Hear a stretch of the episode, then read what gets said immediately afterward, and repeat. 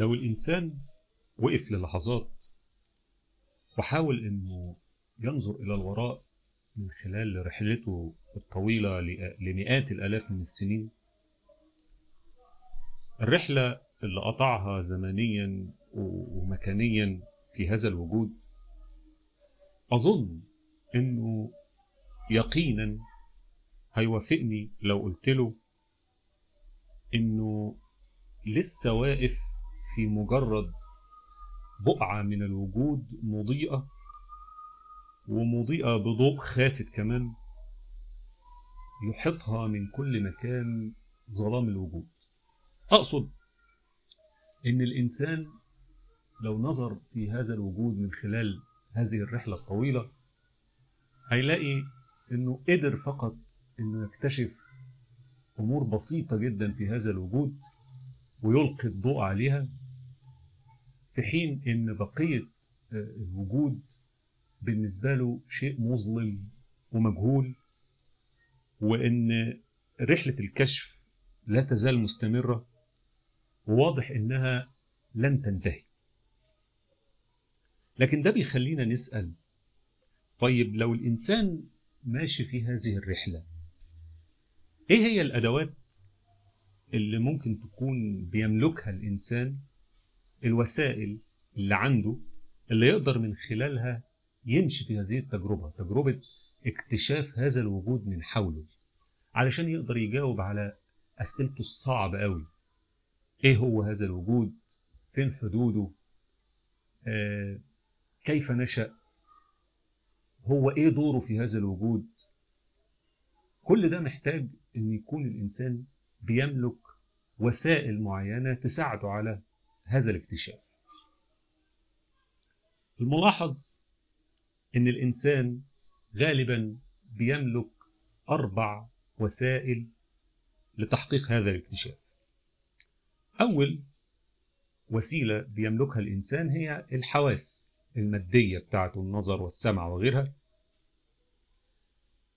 وهذه الحواس ما بتقدرش إنها تتعامل غير مع الجانب المادي من الوجود فبالتالي ما تقدرش تحكم بوجود غير مادي. هي فقط بتتع... بتملك إنها تتواصل مع الوجود المادي من هذا الوجود. يعني الأشياء المحيطة به الموجودات اللي حواليه. فهذه حدود هذه الحواس وكمان ده مش مش حدود مش حواس كاملة تقدر إنها تكشف كل موجود مادي.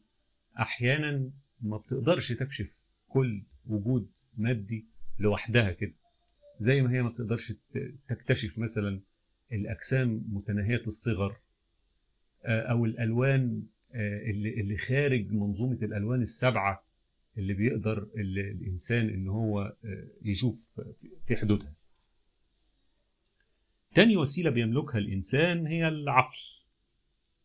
والعقل مهما كان متطور ومهما كان مبدع ومهما كان عنده قدرة من الخيال والتركيب والتحليل وغيرها من المهارات المعروفة بالمهارات العقلية إلا إنه في النهاية المادة الخام اللي بيشتغل عليها العقل بتكون جاية له من خلال الحواس. فهو في الآخر محتاج هذه الحواس علشان تدخل له المعلومات المادة الخام اللي يقدر من خلالها إنه يفكر. و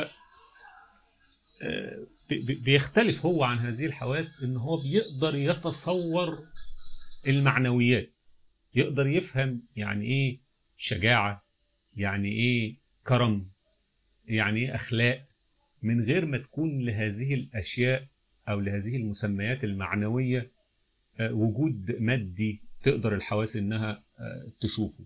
الحواس ما تقدرش تقول دي شجاعة وده إقدام وده كرم لكن العقل هو اللي بيقدر يركب المواقف ويحس بشعور يخليه يقول إن ده شجاعة أو كرم أو غيره. ثالث وسيلة بيملكها الإنسان في اكتشاف الوجود هي قدرته على دخول التجارب. هو موجود في قلب هذا الوجود وبالتالي هو بيتفاعل معاه ومن خلال التجربة تجربة وجوده فقط بيبدأ يكتشف هذا الوجود. كتير من الأمور ما بنقدرش نفهمها غير لما بنخش في تجربتها. زي المثال الشهير إلى إن الإنسان مثلا ما يقدرش يخلي حد يحس بطعم العسل من خلال الوصف بالكلمات. ولكن يكفي إن هو يطلب من الآخر إنه يجرب طعم العسل بنفسه علشان يقدر من خلال التجربة إن هو يصل إلى هذا المعنى وهذا ويكتشف وجود العسل وطعمه. رابع وسيلة هو إن الإنسان في حدود علمنا هو الكائن الوحيد اللي بيقدر يعي الماضي. فليه تاريخ وهو هو في الحقيقة هو تاريخ التجارب الطويلة ليه في قلب هذا الوجود. ومن خلال التاريخ ده بتتراكم المعرفة عند الإنسان فيقدر يبني عليها من عصر إلى عصر إلى عصر فيقدر يطور من معرفته ومن وعيه بهذا الوجود. الملاحظ على هذه الوسائل الأربعة إنها كلها نسبية. نسبية أقصد بها إنها محدودة مش ثابتة. ما تقدرش تدعي اليقين النهائي. الحواس ليها حدود وممكن خداعها وممكن التشويش عليها بمجرد دواء يدخل إلى هذه الحواس فيخرجها عن إدراكها. العقل مضطر إن هو يتكئ ويعتمد على الحواس. وبالتالي هو نسبي ما يقدرش يقول إنه يصل إلى يقين نهائي ثابت يفسر له كل هذا الوجود. وبالتالي التجربة والوعي بالتجربة والوعي بالماضي هم مبنيين أصلا على العقل والحواس وبالتالي هم نسبيين زي ما الحواس والعقل نسبيين. في تجربة واحدة فقط للإنسان ادعى الذين خاضوا هذه التجربة إنها مش تجربة نسبية بل إنها تجربة مطلقة قدرت تتجاوز حدود المادة وتتفاعل مع المطلق الثابت النهائي وتكون يقين. أقصد بيها التجربة الروحية. اللي قدرت إنها تتجاوز المادة وتتواصل مع عالم ما وراء المادة. ولكن هذه التجارب الروحية رغم إن أصحابها بيصفوها بأنها تجارب مطلقة إلا إن هم نفسهم ما عندهمش الأدوات والوسائل المطلقة اللي ينقلوا بيها تجاربهم دي إلى البشر.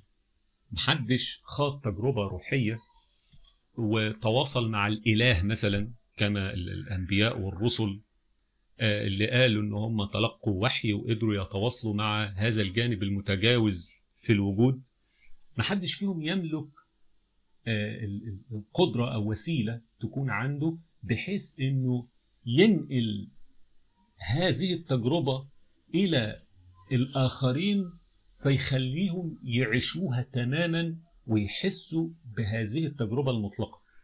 إنما الوسائل اللي بيملكها أصحاب هذه التجارب الروحية هي وسائل نسبية وإنسانية عادية جدا. فهنلاقي إن تم التعبير عن هذه التجارب من خلال وسائل زي الكلمات واللغات سواء في كتب مقدسة أو في أشعار أو حتى في من خلال وصف تقليدي بينقل بيه صاحب التجربة تجربته إلى الناس. وبالتالي التجربة لما اتنقلت عملت زي وصف العسل للناس من غير ما يدوقوه. ما قدروش الناس يخشوا هذه التجربة ويجربوا إطلاقيتها بنفسهم ولكنهم في منهم اللي آمن لأصحاب هذه التجارب وقالوا خلاص إحنا مصدقينكم لأن إحنا شايفين فيكم الصلاح والتقوى وغيره ونقدر إن إحنا نثق في رحلتكم وفي تجربتكم المتجاوزة هذه. أحيانا أكثر حاجة ممكن يكون هؤلاء أصحاب التجارب المتجاوزة المطلقة قدروا يعبروا بيها عن تجربتهم هي ما يعرف بالمعجزات والكرامات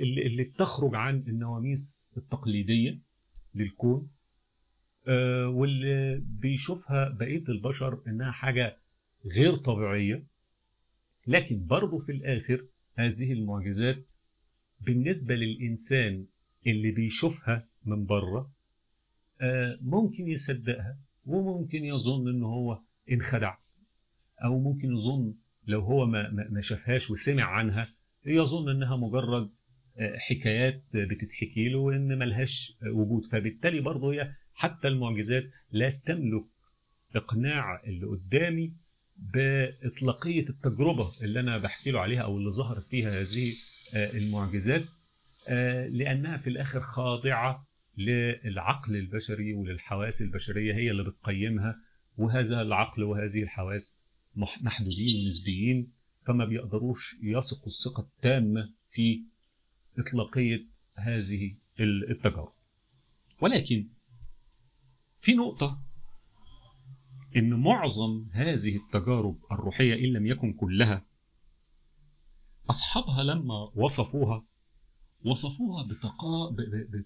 ب... بطريقة متقاربة للغاية. صفات قريبة من بعضها جدا. رغم إن أصحاب هذه التجارب مختلفين في أزمنتهم وعصورهم مختلفين في بيئتهم مختلفين في لغتهم مختلفين حتى في رؤاهم بل أحيانا في تفاصيل عندهم بتبقى متناقضة مع بعضها. حد يلاقي إن تجربة ده متناقضة مع ده في بعض التفاصيل. ولكن المبادئ الأساسية اللي قامت عليها هذه التجارب بنلاقيها متقاربة جدا رغم اختلاف العصر والظروف. هنلاقي مثلا إن التجربة الروحية لهرمس المثلث العظمة في أيام الفراعنة متقاربة إلى حد بعيد في وصفها ومبادئها مع تجربة زي تجربة الطاو زي تجربة بوذا التجربة الهندوسية تجربة المايا تجارب الديانات الإبراهيمية الثلاثة الفلسفات الإغريقية الغنوصية تجارب المتصوفين على اختلاف أزمنتهم وانتماءاتهم حتى العقائدية. هنلاقي أن هذه التجارب متقاربة إلى حد بعيد. فهل يعني هذا التقارب شيئا؟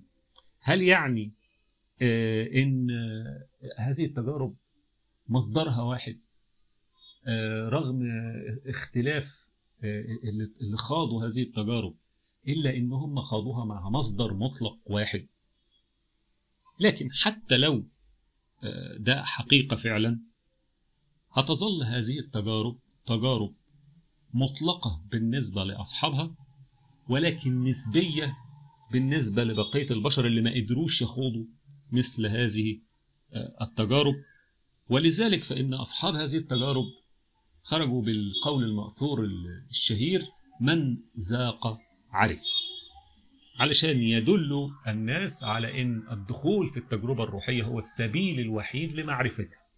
أما مجرد السماع عنها من الخارج أو تلقيها بوسائل نسبية زي الكلمات واللغات والأشعار وغيره فهذا أمر يقرب فقط التجربة من الناس ولكن لا يمكن أنه ينقل إطلاقية هذه التجربة للناس. وبالتالي آه فإحنا هنا هنكون آه أمام آه احتمالين. إما إن الحقيقة المطلقة تكون موجودة فعلا أو إن هذه الحقيقة المطلقة تكون غير موجودة.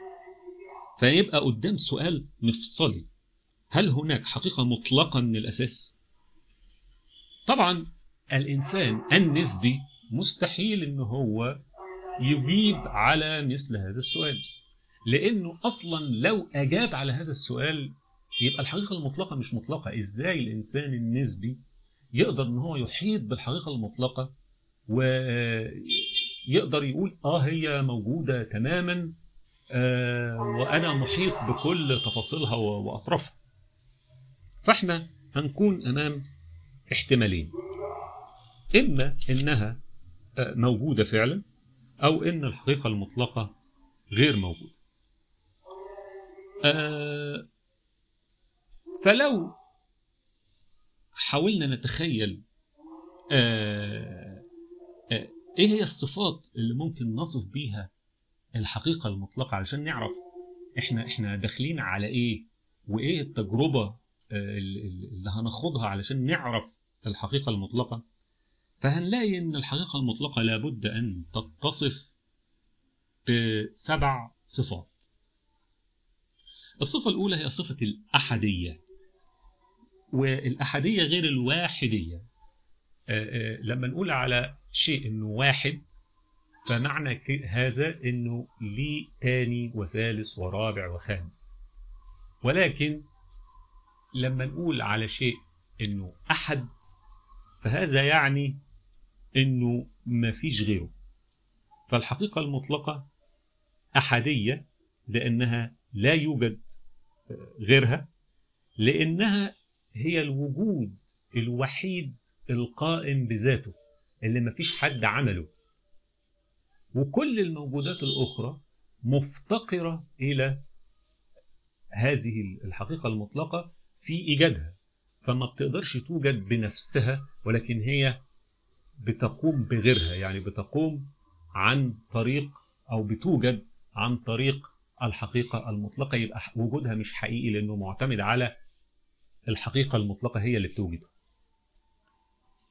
الصفة الثانية للحقيقة المطلقة إنها يجب أنها تكون خارج كل حدود هي غير محدودة وبالتالي هي خارج حدود الزمان وبالتالي ليس لها بداية وليس لها نهاية لأن البداية والنهاية مصطلحات زمنية ومن هنا بنصف الحقيقة المطلقة بأنها ليس لها أول وليس لها آخر. الصفة الثالثة للحقيقة المطلقة هي إنها الكل. فكل وجود هيكون بالضرورة من الحقيقة المطلقة ومن وجود الحقيقة المطلقة وهيكون عبارة عن تجلي لهذه الحقيقة المطلقة أو بمعنى آخر صورة من صور هذه الحقيقة. هي كل وجود هيكون فرع من أصل هذه الحقيقة المطلقة وبالتالي نقدر نصف الحقيقة المطلقة بأنها ظاهرة وباطنة. فهي ظاهرة في كل وجود وباطنة في كل وجود. الصفة الرابعة للحقيقة المطلقة إنها حية. والحياة للحقيقة المطلقة حياة المطلق هي إن مفيش حد بيهبه الحياة لكن الحياة هي صفة أصيلة فيه فهو حي. أما كل الموجودات الأخرى فهي بالضرورة غير حية إلى أن يقرر المطلق إيجادها فيعطيها من الحياة. الصفة الخامسة للحقيقة المطلقة هي صفة الحكمة لأن الحقيقة المطلقة لابد أن يصدر عنها كل صواب مطلق. فالطيش أو اللا حكمة بالضرورة هيناقض المطلق لأنه ما فيهوش الثبات بتاع الحقيقة المطلقة. الصفة السادسة للحقيقة المطلقة هي القدرة. لأن الحكمة وحدها ليس لها قيمة إلا أن يكون هناك قدرة قادرة على تفعيل هذه الحكمة. فالعجز صفة محددة وبالتالي لا تنطلق على حقيقة مطلقة غير محددة وغير محدودة. وآخر صفة الصفة السابعة للحقيقة المطلقة هي القيومية. لأن الحقيقة المطلقة هي التي بتقدر تقوم غيرها يعني توجد غيرها وتخلي ليه وجود وحياة وبالتالي إن كانت هذه الحقيقة المطلقة بهذا الشكل وبهذا المعنى فهل يقدر الإنسان إنه يحدد إنها موجودة أو غير موجودة؟ نسبية الإنسان ووجوده في بقعة الضوء اللي قدر يكتشفها من الوجود والمحاطة بظلام بقية الوجود. تخليه ما يقدرش يقطع بوجود هذه الحقيقة المطلقة أو عدم وجودها. ولكن هو اتخذ منها بالفعل أربع مواقف. الموقف الأول أنه رفض وجود الحقيقة المطلقة.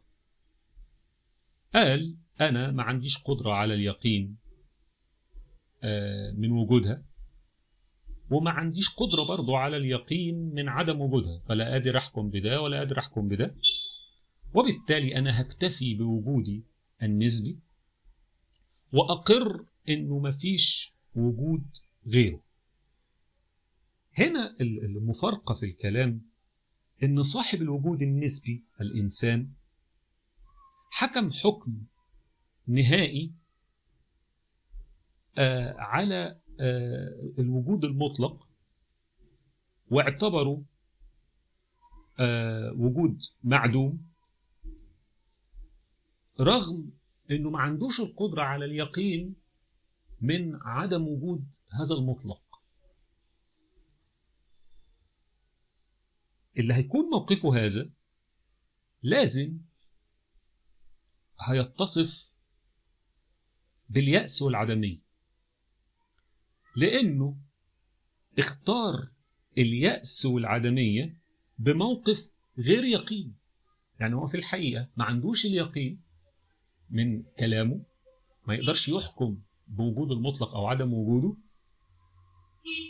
وهيؤدي بده إلى يأس وعدمية لأنه هيشوف أن الوجود هو مجرد هذا الوجود النسبي المحدود اللي هو بالضرورة منتهي في وقت من الأوقات. فإن كان هذا الوجود بالضرورة منتهي بانتهاء وجود هذا الفرد أو هذا الإنسان يبقى هذا الوجود لا قيمة له. فاختار اليأس والعدمية بموقف أصلا غير يقيني. لا يمكن إثباته أو التدليل عليه. فالحقيقة ده تمن باهظ قوي هيدفع في رفض المطلق إني أرفضه وأصل إلى اليأس والعدمية من خلال موقف غير يقيني. لو كان يقيني كان انتهى الأمر ولكن ما عندكش هذا اليقين وفي نفس الوقت بسببه بتختار اليأس والعدمية. فموقف غريب. الموقف الثاني للإنسان في مواجهة المطلق هو موقف اللا إكتراسية أو اللا أدرية قال أنا مش عارف خالص. مش هحدد أقبل ولا أرفض أصلا. لكن ما دمت لا أملك الأدوات المطلقة علشان أحكم على وجود المطلق بشكل نهائي أو عدم وجوده بشكل نهائي فأنا مش ههتم بالأمر. هنا بيقع صاحب هذا الموقف في خطأين. الأول هو في الحقيقة بهذا الموقف بيميل إلى موقف رفض الوجود المطلق زي الموقف الأولاني أكثر من موقف الحائر اللي هو بيحاول إن هو يظهر بيه. هو عايز يظهر بموقف الحائر اللي مش عارف إن كان الوجود المطلق موجود ولا غير موجود. ففي الحقيقة هو كده مال إلى موقف الرفض. لأنه بموقفه هذا وكأنه بيفترض عدم وجود المطلق. آه لأنه بهذا الموقف موقف الاكتراس أو موقف اللا أدرية كأنه بيقول إن لو الوجود المطلق موجود فأنا غير مهتم. رغم إن وجود هذا الوجود المطلق يعني بالضرورة إن في جزء من هذا المطلق في كل الموجودات لأن الموجودات هي عبارة عن تجلي لهذا الوجود المطلق عشان هي موجودة منه. فبالتالي لو أنا في جزء من هذا المطلق موجود فأنا بالتجربة ومن خلال محاولة اكتشاف هذا الجزء فيا هقدر أتواصل مع المطلق.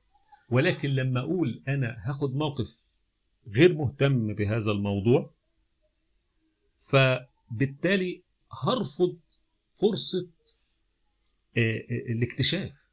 لو أنا عندي الجزء من المطلق ده موجود فيا ههمله مش ههتم بيه وبالتالي مش هديله الفرصة إنه يتواصل مع المطلق.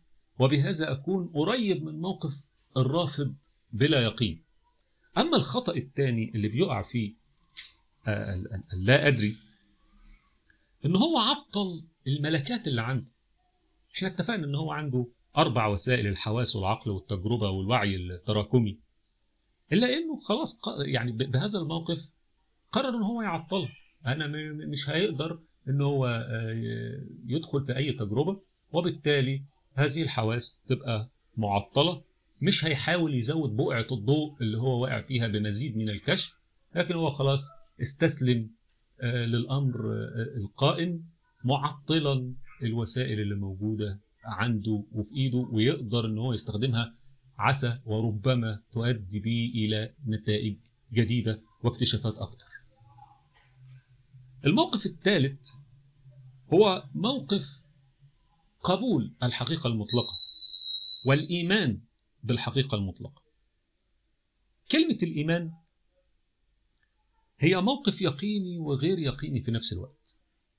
موقف يقيني لأنها هتعتبر أن الحقيقة المطلقة موجودة افتراضا وهتبدأ تتعامل مع الوجود باعتبار أن الحقيقة المطلقة موجودة وموقف غير يقيني في نفس الوقت لأن أدوات الإنسان مش هتقدر تثبت إثبات نهائي وقطعي بوجود هذا المطلق. علشان كده الإيمان موقف يقيني ولا يقيني في نفس الوقت. لكن هذا الموقف له إيجابيات. إنه أولا قرار شجاع باستمرار الاكتشاف. هنا وهو واقف في بقعة الضوء اللي قدر يكتشفها من الوجود ومحاط بالظلام قرر في لحظة من لحظات الشجاعة أنه يقفز في ظلام المجهول علشان يكتشف بدل ما أنه يستقر في بقعة الضوء زي الموقف السابق ليه الموقف اللي أدري. قال لا في ظلام محتاج أنه يكشف فأنا هقفز في هذا الظلام وأنا وحظي يمكن أقدر أكتشف المزيد فيه بدل من أني أستقر في بقعة اليأس اللي هي مظلمة في الحقيقة لأنها غير مبنية على أي يقين ولا على أي افتراض.